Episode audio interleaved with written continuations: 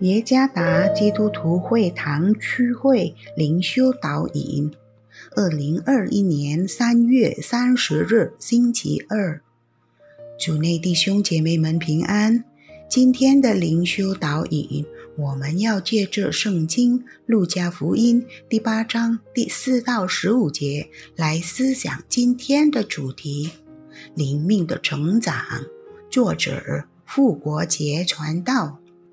路加福音第八章第四到十五节，当许多人聚集，又有人从各城里出来见耶稣的时候，耶稣就用比喻说：有一个撒种的出去撒种，撒的时候有落在路旁的，被人践踏，天上的飞鸟又来吃尽了。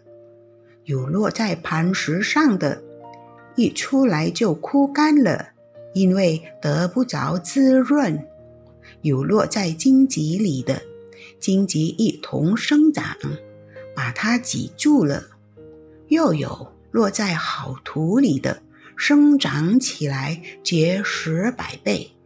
耶稣说了这些话，就大声说：“有耳可听的，就应当听。”门徒问耶稣说：“这比喻是什么意思呢？”他说：“神国的奥秘，只叫你们知道；至于别人，就用比喻，叫他们看也看不见，听也听不明。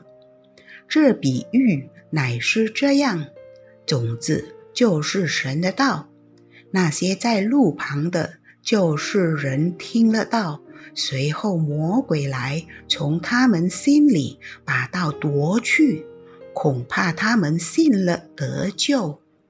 那些在磐石上的，就是人听到欢喜领受，但心中没有根，不过暂时相信，及至遇见试炼就退后了。那落在荆棘里的。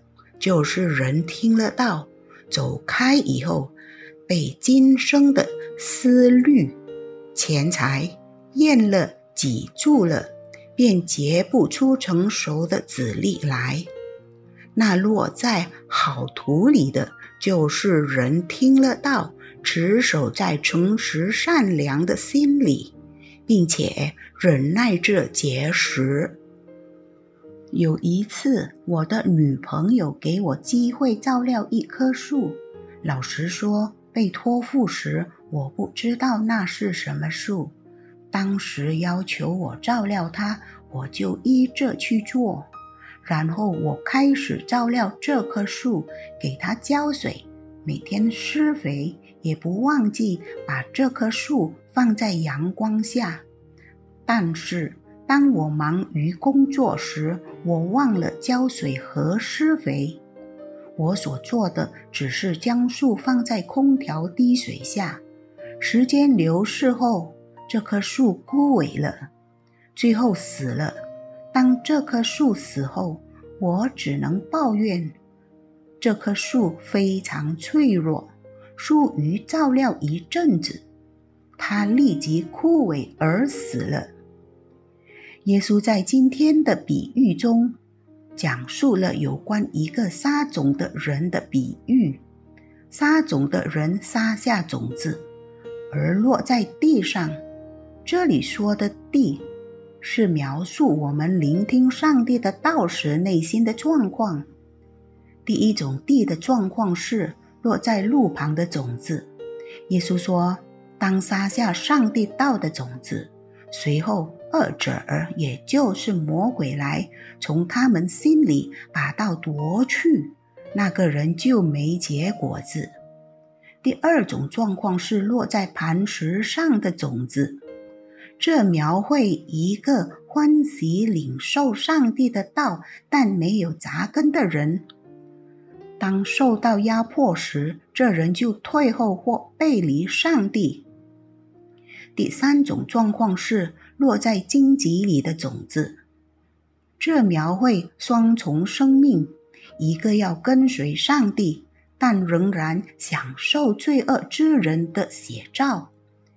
耶稣说：“这样的人不会结出果子，意味着是死的。”最后一种状况是落在肥沃土壤上的种子。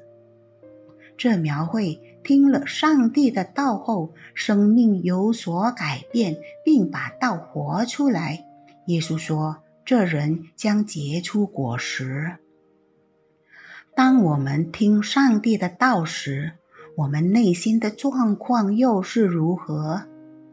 有时候必须承认，我们很少真正地在听他的道时做好准备，成为肥沃的内心。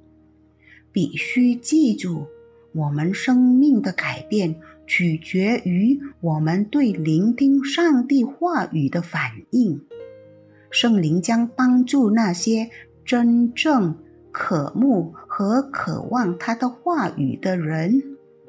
因此，让我们时刻做好准备，成为肥沃的土壤，预备好来接种上帝道的种子。他的道是有能力使愿意敞开心被撒种而改变得以成长的真理。主耶稣赐福。